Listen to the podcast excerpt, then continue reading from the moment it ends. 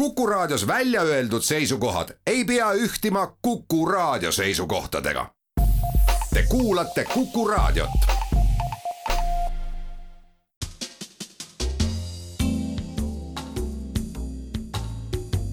tarkade klubi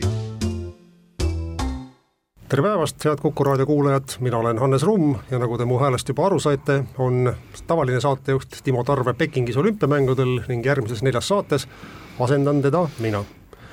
oleme eetris täna, viiendal veebruaril ja kui ma vaatasin tagasi, mis tänasel päeval on juhtunud, siis äh, minu pilku paelus selline sündmus, mis toimus tuhande üheksasaja kahekümne üheksandal aastal ja see on senini suurim skandaal Eesti parlamendi ajaloos. nimelt siis Eesti Põllumajaste Kogude ajalehe peatoimetaja Artur Tupits andis Riigikogus kõrvakiilu sotsialistide haridusministrile Leopold Johansonile huvitaval kombel see kõrvakiil andis kõvasti hoogu tol hetkel kolmekümne seitsme aastasele Tupitsale, sest tema hilisemas poliitilises karjääris oli ta koguni neli korda põllutööminister. aga surma ees olid mõlemad mehed võrdsed, tuhande üheksasaja neljakümne esimese aasta sügisel surid nii Tupits kui Johanson, üks Molotovi ja teine Sverdlovski oblastis, Nõukogude võimu süül ja tahtel. Aga selle väga sünge sissejuhatuse järel läheme üle helgematele teemadele ning tutvustame tänaseid saates osalejaid Tartu tiimis tulevad paaristõukeid andes rajale Mattis Song, spordikoolituse ja teabe sihtasutuse toimetaja. tere, Mattis! tervist! meie saade on täna ette salvestatud, seepärast me ei tea, kuidas läks hommikul Eesti laskesuusatajatel, aga toome välja siis ka tänaste saatekülaliste lootused Pekingi olümpiamängude suhtes. amet kohustab Mattist jälgima kõike, mis olümpiamängudel toimub, aga tema lemmikaladel on vaja testosterooni ja adrenaliini, sest nendeks on pobisõit, skeleton, jäähoki, laskesuusatamine, mäesuusatamine ja nii edasi ja nii edasi. Matise mängusõber on nagu ikka Toivo Kreek, vabamees ja arhitektuuriloolane, tere Toivo! tere keskpäeva!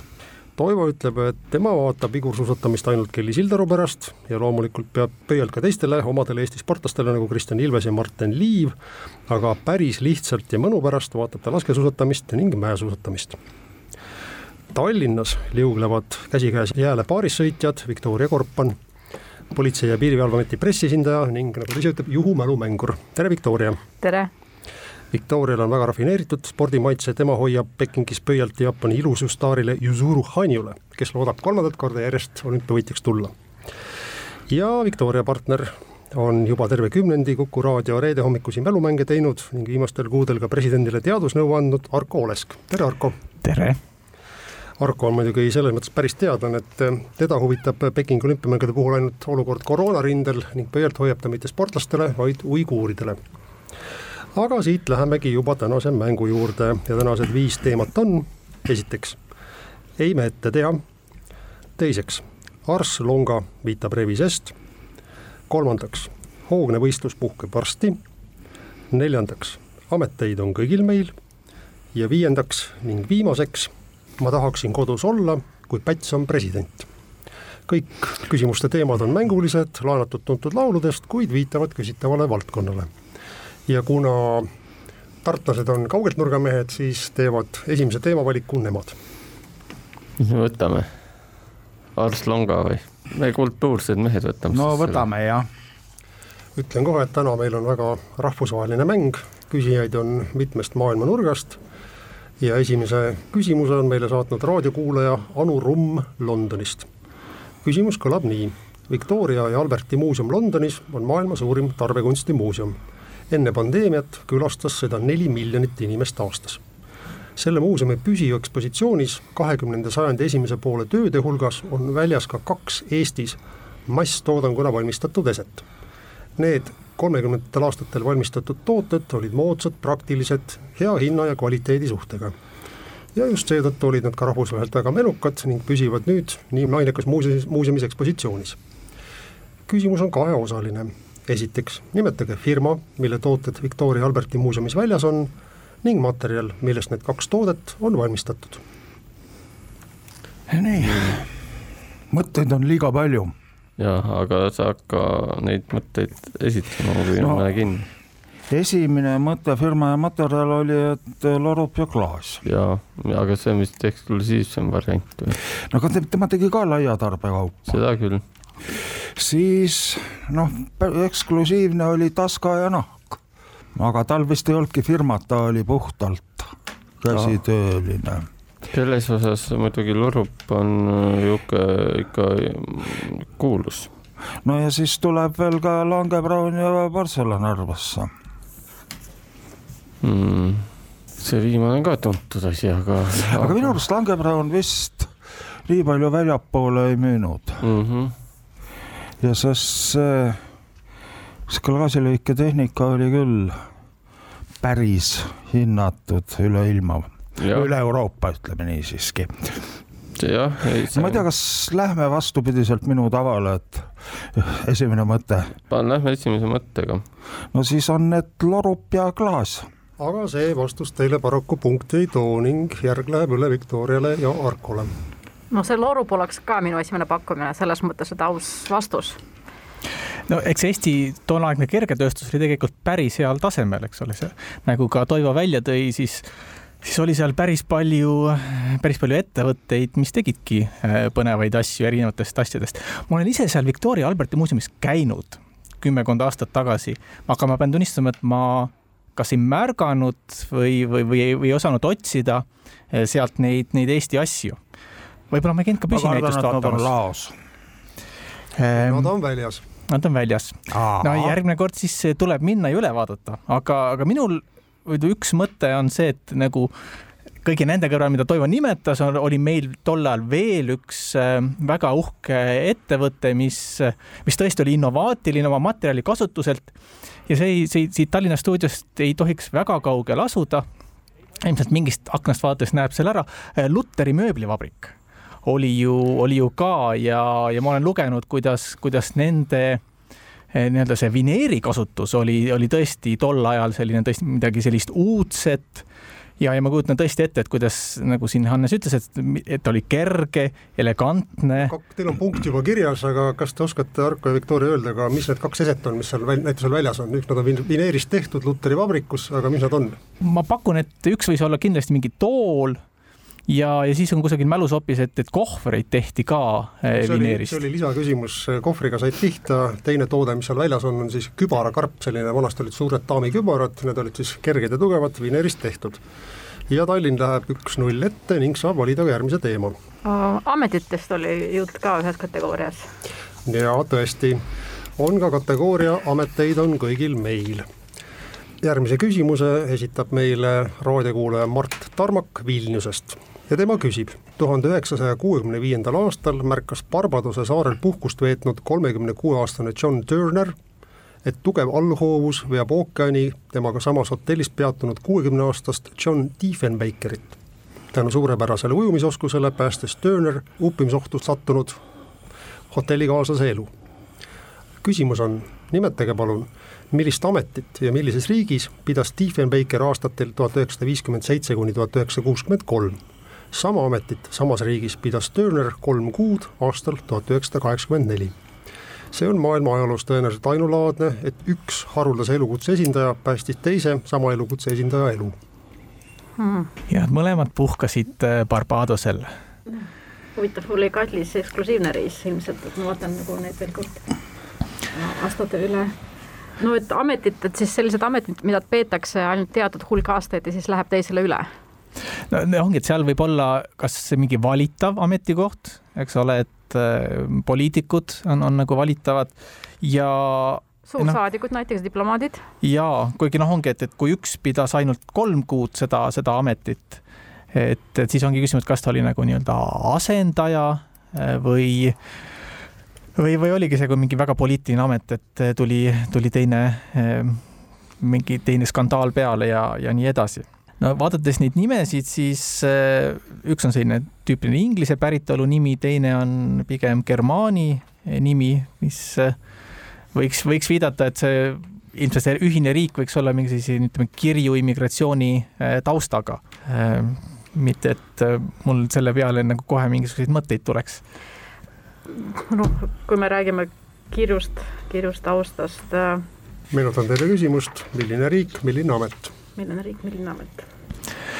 uppumisega seoses tuleb mulle meelde, et üks Austraalia peaminister uppus äh, ära äh, ka, ka ookeanisse, aga, aga ilmselt oleks nagu liiga suur kokkusattumus, kui, kui mõned teised Austraalia peaministrid oleks teineteist ära päästnud kusagil puhkusel olles. ja Austraaliast vist Barbadosele puhkama ka väga ei sõideta. ei ole mõttekas vist, kui omal on nii head rannad. no nii meil..., aga nüüd palun teil sõnastada vastus mm no hmm. oletame, et, et see on mingi poliitiline amet ja näiteks peaminister ja, ja võtame mingisuguse riigi, mis võiks olla seal kusagil äh, lähedal, ma ei tea, noh, ilmselt Ameerika Ühendriigid äh, ilmselt mitte. Kuuba. Kanada. Kanada, jah, näiteks Kanada. ja täpselt nii ongi et mõlemad mehed, nii Turner kui Diefenbaker olid Kanada peaministrid, üks siis viiekümnendatel, teine kaheksakümnendatel aastatel, tol hetkel, kui Diefenbaker hakkas uppuma, oli ta oma riigi opositsiooni liider. ja üks väike mm. poliitiline iroonia on peidus ka selles, et Turner oli siis liberaal, kes päästis konservatiivi elu. kaks-null, Tallinn rebib ette, aga Tartu saab kohe valida teema.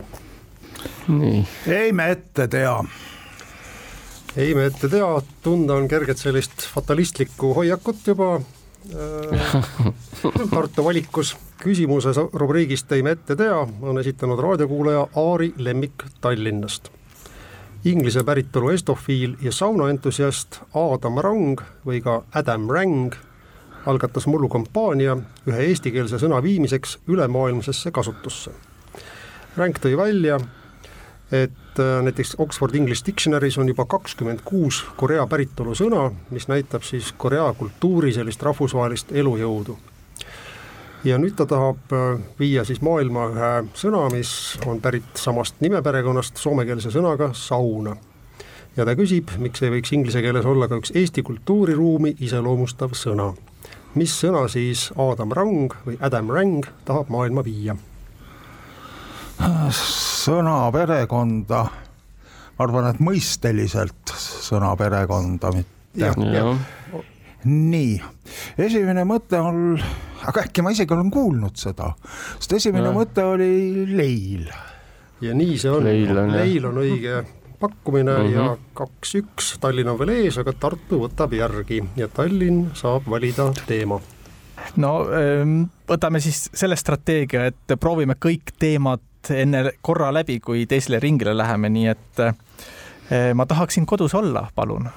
nii, ja nüüd tuleb küsimus sarjast, ma tahaksin kodus olla, kui Päts on president ja Laidoner juhatab väge ja maksab Eesti sent.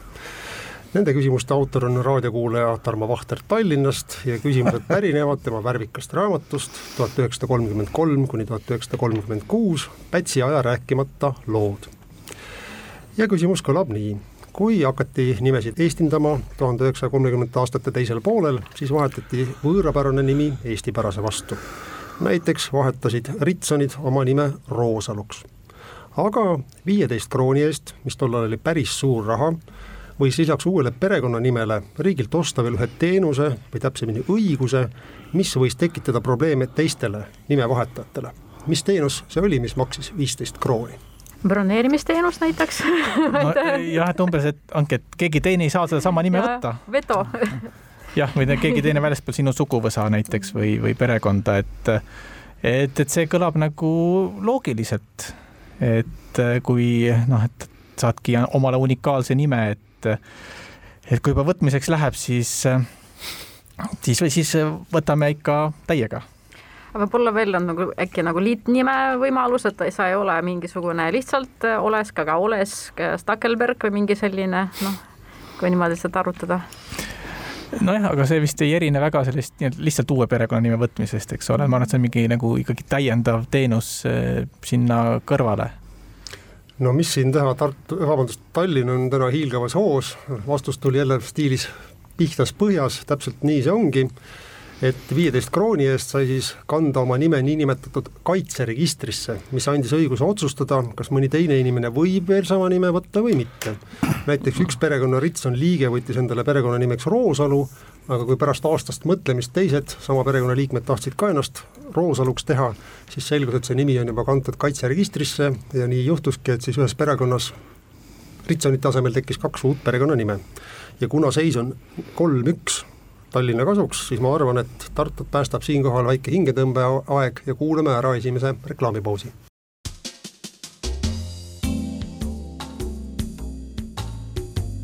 tarkade klubi tere tulemast tagasi Tarkade klubi saatesse, mina olen saatejuht Hannes Rumm ning tänased mängijad on Arko Olesk ja Viktoria Korpan. Tartus Toivo Kreek ja Mattis Sang, mänguseis, meenutan, on kolm-üks Tallinna kasuks, aga Tartul on kasutada see võimalus, et nemad valivad järgmise küsimuse teema. Arkole vastu tulles võtame siis viimase puutumata teema ära. see oli midagi hoogsalt. niimoodi ja viimane käsitlemata teema on siis täna alapealkirja alt Hoogne võistlus puhkeb varsti. see nimi on laenatud Gennadi Podelski Heldur Karmo mootorsportlaste laulust, mis algab mm -hmm. nii. Hoogne võistlus puhkeb varsti, algab rajal me uljas sõit, kuigi koos saab mindud starti, ainult ühte ootab võit.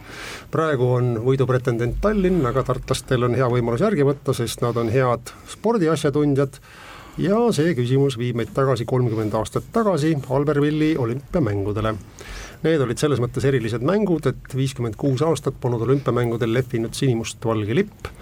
Nüüd läksid mhm. kakskümmend mm -hmm. Eesti sportlast olümpiamängudele ja esindasid Eestit oma riigi lipu all. aga küsimus on, et kui Eesti delegatsioonis oli kakskümmend sportlast, siis millisel alal oli võistlejaid koguni kaheksa? millisel alal oli koguni kaheksa? ma arvan, et äh, laskesuusas oli see enne. kas laskesuusas? sellepärast, et nad äh, teadet sõitsid erinevalt murdmaasuusatamises, kus oli üks naine. jah, see oli, kas oli ainult üks ainult naine? ainult Piret Niglas oli. nii, laskesuusatamine? seal oli mõlemad poolel olid teade siis ega siin ei ole, vabandust, vabandust, ma nüüd segan vahele, ega siin ei ole mitte midagi lisada, et äh, Matis juba nimetas, nimetas ära ka õige nime, et äh, asi oligi siis selles, et murdmaasuusatamises oli väljas meeste teatesõidu nelik, aga ei olnud naiste nelikut, oli ainult äh, üksinda siis naisi esindas Piret Niglas aga laskesuusatamises oli rajale panna kaks teatevõistkonda, Eveli Peterson, Krista Lepik ja Leena Poljakova, Urmas Kaldvee, Kaljo Õõste, Hillar Sahkna, Kristjan Oja ja Aivo Udras. nii et mäng läheb põnevamaks, Tartu võtab järgi kaks-kolm, Tallinn valib järgmise teema. ma võtaks jälle ametite küsimuse. ja tuleb teine küsimus sarjast Ameteid on kõigil meil. kõlab see nii kogu Ameerika Ühendriikide territooriumil on üks ainulaadne maja mis ehitati aastal tuhat kaheksasada seitsekümmend üheksa. see maja asub Honolulus aadressil kolmsada kuuskümmend neli King Street. praegu on majas muidugi muuseum, aga millise ameti kandjad kasutasid seda maja kuni tuhande kaheksasaja üheksakümne kolmanda aastani? King Street, tähendab Hawaii oli kuningriik üheksateistkümnendal sajandil, mil, mis aastani täpselt, ma nüüd ei, ei julge pead anda, aga seal olid kuningannad, kuningad ja, ja kui see maja asub King Streetil, eh, siis eh, võib-olla on tegu Ameerika Ühendriikide ainsa kuningalossiga nii ta on, ilmselt alahindan tänaseid mängijaid ja võib-olla selle aadressi oleks pidanud küsimusest välja jätma, sest tõepoolest tegemist oli siis äh, kahekorrulisele kuningapaleega, mida kasutasid Hawaii viimane kuningas ja kuninganna, nad kukutati troonilt tuhat kaheksasada üheksakümmend kolm, aga sinnamaani nad siis kasutasid seda maja oma residentsina ja tõepoolest see on praeguse Ameerika Ühendriikide territooriumil ainuke kuninglik palee. neli-kaks, Tallinn jätkab uskumatult hoogsalt. Tartu, valige palun teema. ma arvan, et lähme selle hoogsaga edasi. no lähme hoogsasti. niimoodi, teine küsimus siis nimistust hoogne võistlus puhkeb varsti ja kõlab see nii, et tuhande üheksasaja üheksakümne teise aasta Albertvilli mängude korralduskomiteed juhtisid kaks inimest. Üks oli legendaarne kolmekordne olümpiavõitja slaalomi ja mäesuusatamises Jean-Claude Gilly, aga tegelikult muidugi juhtis korralduskomiteed üks hilisem tuntud poliitik. eks ta poliitikuks suuresti saigi tänu sellele, et ta korraldas väga edukad olümpiamängud, see pani aluse tema edu, väga edukale poliitilisele karjäärile kuigi tegemist ei olnud inglasega, on ta viimastel aastatel eriti hästi tuntud Inglismaal. kes see inimene on äh,? nii, kes oli see Brexiti volinik mm.? prantslane ta oli igal juhul. prantslane oli, aga ega mul meelest küll ei siis jah.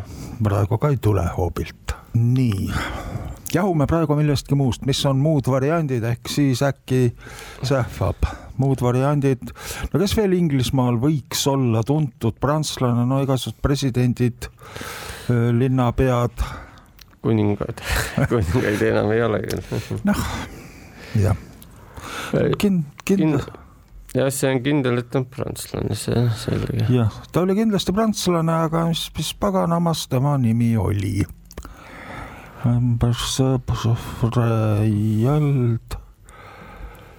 Henri.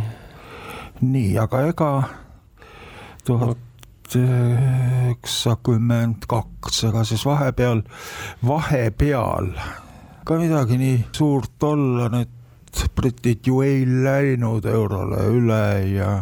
ja, ja see on ikka, ma arvan tõesti see Brexiti tüüp, aga, aga, aga noh, ma ei usu, et olid need tulevased Prantsuse presidendid, see Sarkozy ja, ja mis see teine vana oli? inglastega ei ole sellist sidet. Holland. oli ka peaminister kõigest president, president, president, president, aga Holland, noh, Holland oleks hollandlastele peale läinud, aga kas tõesti tõstame kaks kätt taeva poole või? no pak-, ma niimoodi ei oska küll peast öelda, Giliidi oleks kohe teadnud, aga. sama siin. aga, aga pane, pakume Hollandi. nojah, mis teha. teha ei ole tõesti midagi, sest Holland teile punkte ei too ja järg läheb Tallinnaste kätte no mina lasin ka kohe kõigepealt kõik need presidendid silme eest läbi, aga, ja see ei osanud selle Inglismaa vihjega kohe mitte midagi ette võtta, kuniks siin tartlased Brexiti mängu tõid ja, ja, ja, ja sinna oskaksin ma küll ühe nime juurde panna, et, et see Euroopa Liidu pealäbirääkija kannab nime Michel Barnier, kes vist, ma ei tea, kas ta on olnud peaminister Prantsusmaal, aga, aga eurovolinik on ta kindlasti olnud. jah, Arko jätkab heas hoos, tegemist on Michel Barnier'ga kes oli, peaminister ei ole ta olnud, aga ta on olnud mitmes ministriametis Prantsusmaal ja hiljem on olnud ta siis ka mitmes Euroopa Komisjoni voliniku ametis ja inglastele sai ta siis tuntuks ja kurikuulsaks tänu sellele, et oli tõepoolest Brexiti pealäbirääkija Euroopa Liidu poolt. üldse poliitikas olümpiamängude korraldamine on inimestele aeg-ajalt kasuks tulnud näiteks ameeriklane mm -hmm. Mitt Romney korraldas kaks tuhat kaks edukalt Salt Lake City talimängud, valiti pärast seda senaatoriks ja ka oma partei presidendikandidaadiks, aga kaotas siis kaks tuhat kaheksa Barack Obamale. nii et soovitus kõigile noortele poliitikutele, kes tahavad kaugele jõuda, korraldage nooruse spordivõistluse, ehk aitab see teid karjääris edasi. ja kuulame siinkohal ära tänase teise reklaamipausi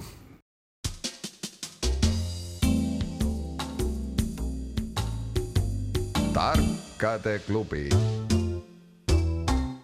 nii, tuleme tagasi Tarkade klubisse, seis ei ole seekord äh, väga pingeline, viis-kaks on Tallinn ette läinud, meenutan, et äh, Tallinna au kaitsevad täna Arko Olesk ja Viktoria Karpan, Tartus on nende vastused Matis Song ja Toivo Kreek, mina olen saatejuht Hannes Rumm, kolm küsimust on lõpuni ja seega on võimalik veel tänane mäng ka viiki mängida.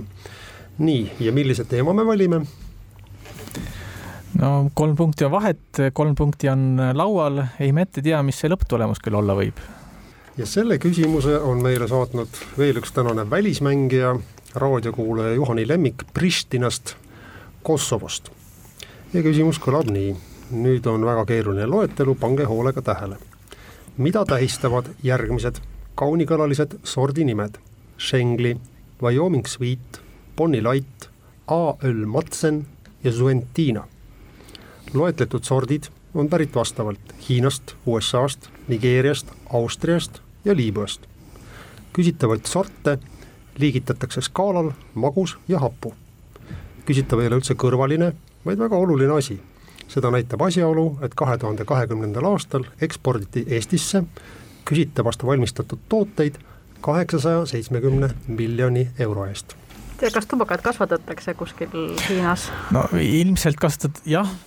ma ei, ma ei ole nii ammu suitsetanud, et ei tea, kas oli hapukas maitse ka sellel asjal, aga kuidagi veini jaoks kuidagi tunduvad nagu natuke nõmedad nimetused, vabandust. ja, ja, ja Nigeeria, Liibüa ei ole ka just ülituntud veiniriigid, aga mul käis korraks peast läbi kohvi juba, aga sellega on samamoodi, et need hapu, riigid pole. hapu mõttes hea pakkumine. Äh, pole päris need, kes on nagu, no me teame, kohvi on ikkagi nii-öelda Kolumbia ja Keenia ja mm., ja Vietnam on väga suur äh, kohvitootja, aga. Austria, Austria, mida võiks Austrias. vaat ongi, see peab olema taim, mis kasvab nagu üsna erinevates klimaatilistes tingimustes, ta tahab ikkagi nagu valdavalt äh, sooja Hiina, USA, Nigeeria, Austria, Liibüa. tee? jah, no tee, teekasvatajad on ju ikkagi valdavalt India, Hiina, Gruusia või noh, ühesõnaga see, see nõuab ka üsna kindlaid klimaatilisi tingimusi, et ta ei saa olla ka väga suur taim, eks ole, et ta kasvab nii troopikas kui, kui kõrbes kui ka siin meil parasvöötmes Austrias. aga, aga see sinu algne pakkumine minu meelest on väga hea selles suhtes, et, et just selline tubakataim võiks olla selline, mis on üsna universaalne ja tõepoolest seda imporditakse meile päris palju, et siin kohapeal mingit tootmist ei ole niimoodi, et et mina toetan kahe käega Victoria pakkumist, et see on tubakas mul on väga hea meel raadiokuulaja Juhani Lemmiku üle, kes on meile kaugelt Kosovost saatnud küsimuse, mis esimest korda tänases saates murrab Tallinna tarkade hambad.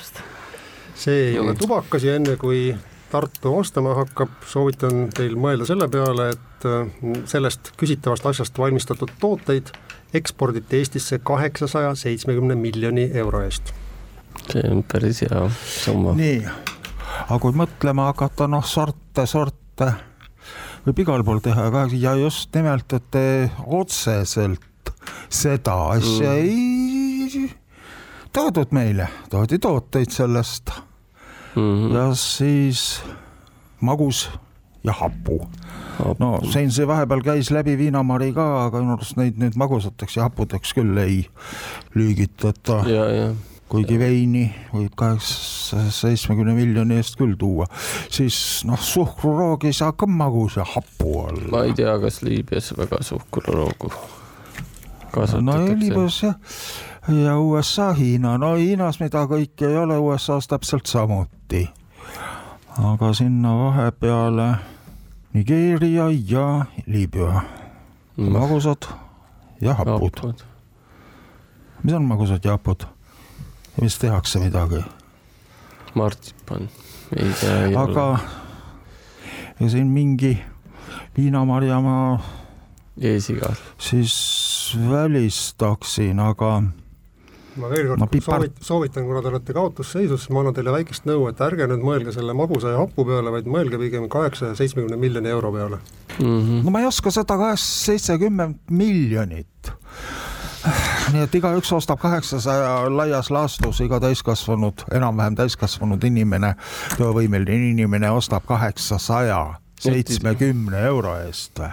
nutitelefonid. nojah, kaheksasaja seitsmekümne euro eest, mida sa ostad? raadiokuulajate huvi kruttimiseks ütlen, et Victoria Korp on väikse viivitusega jõudis juba õige vastuseni, punktide selle eest. no ta on tubli järelikult. peaks rohkem mõtlema, vähem lobisema nojah üks lobiseb, teine mõtleb samal ajal.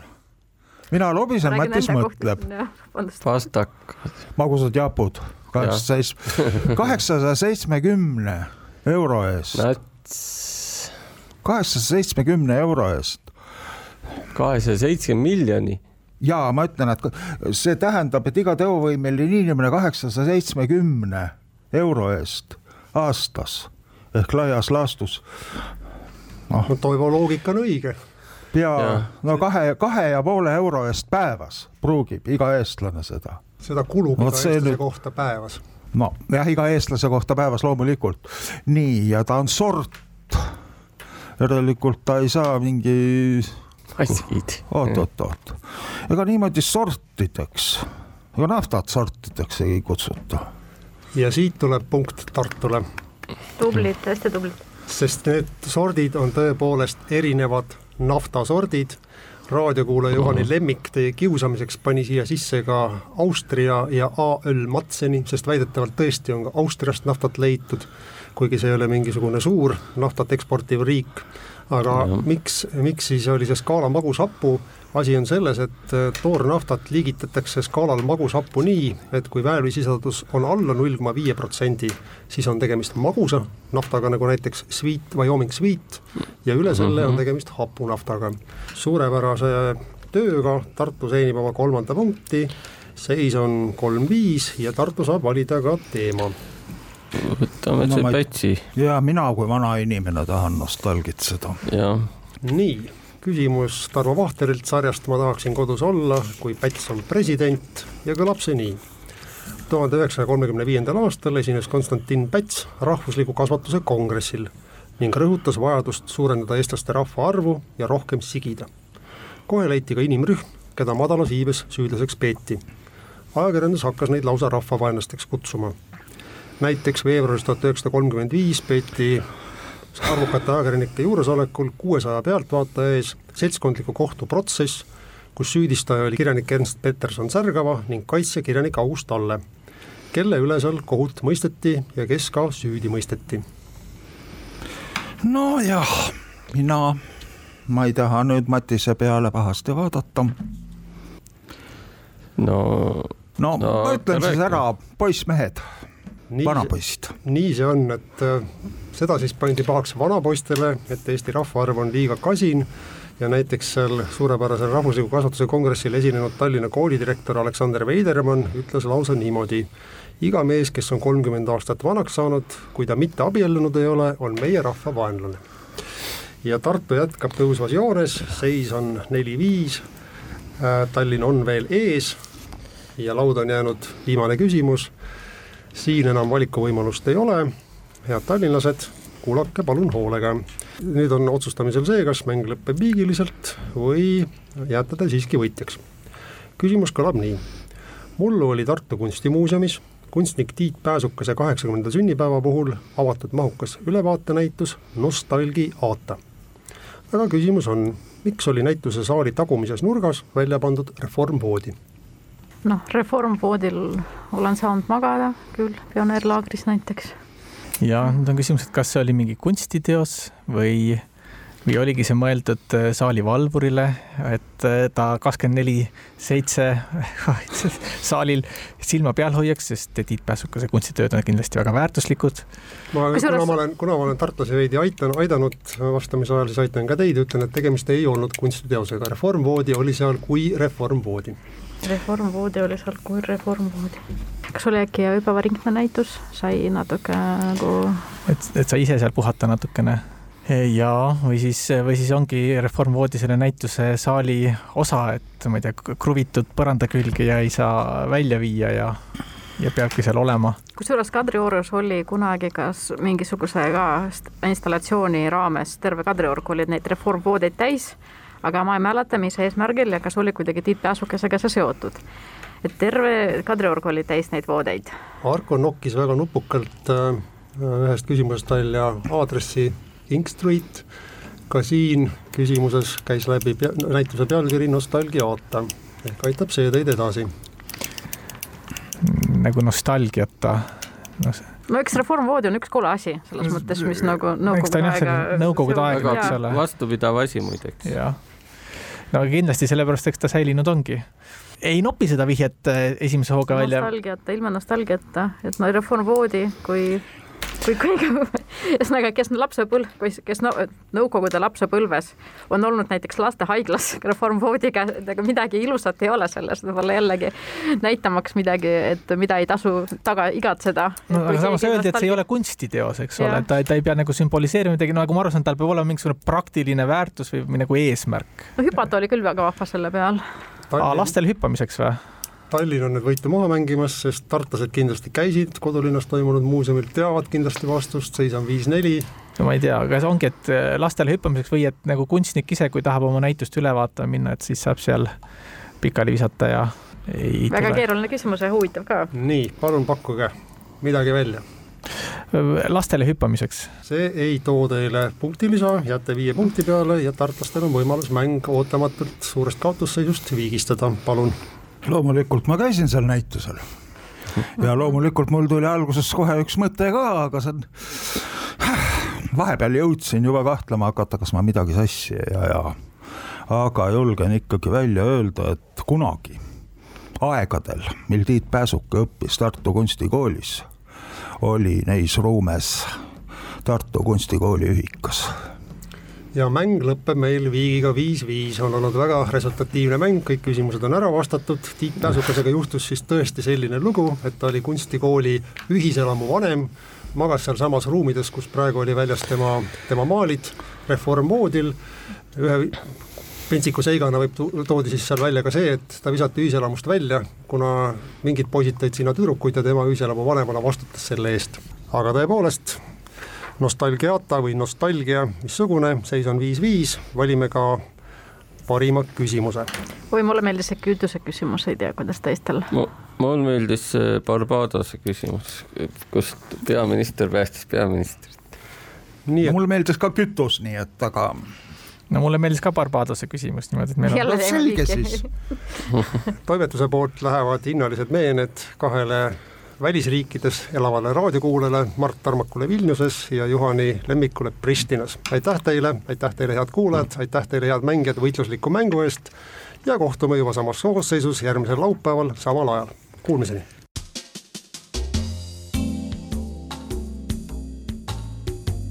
tarkade klubi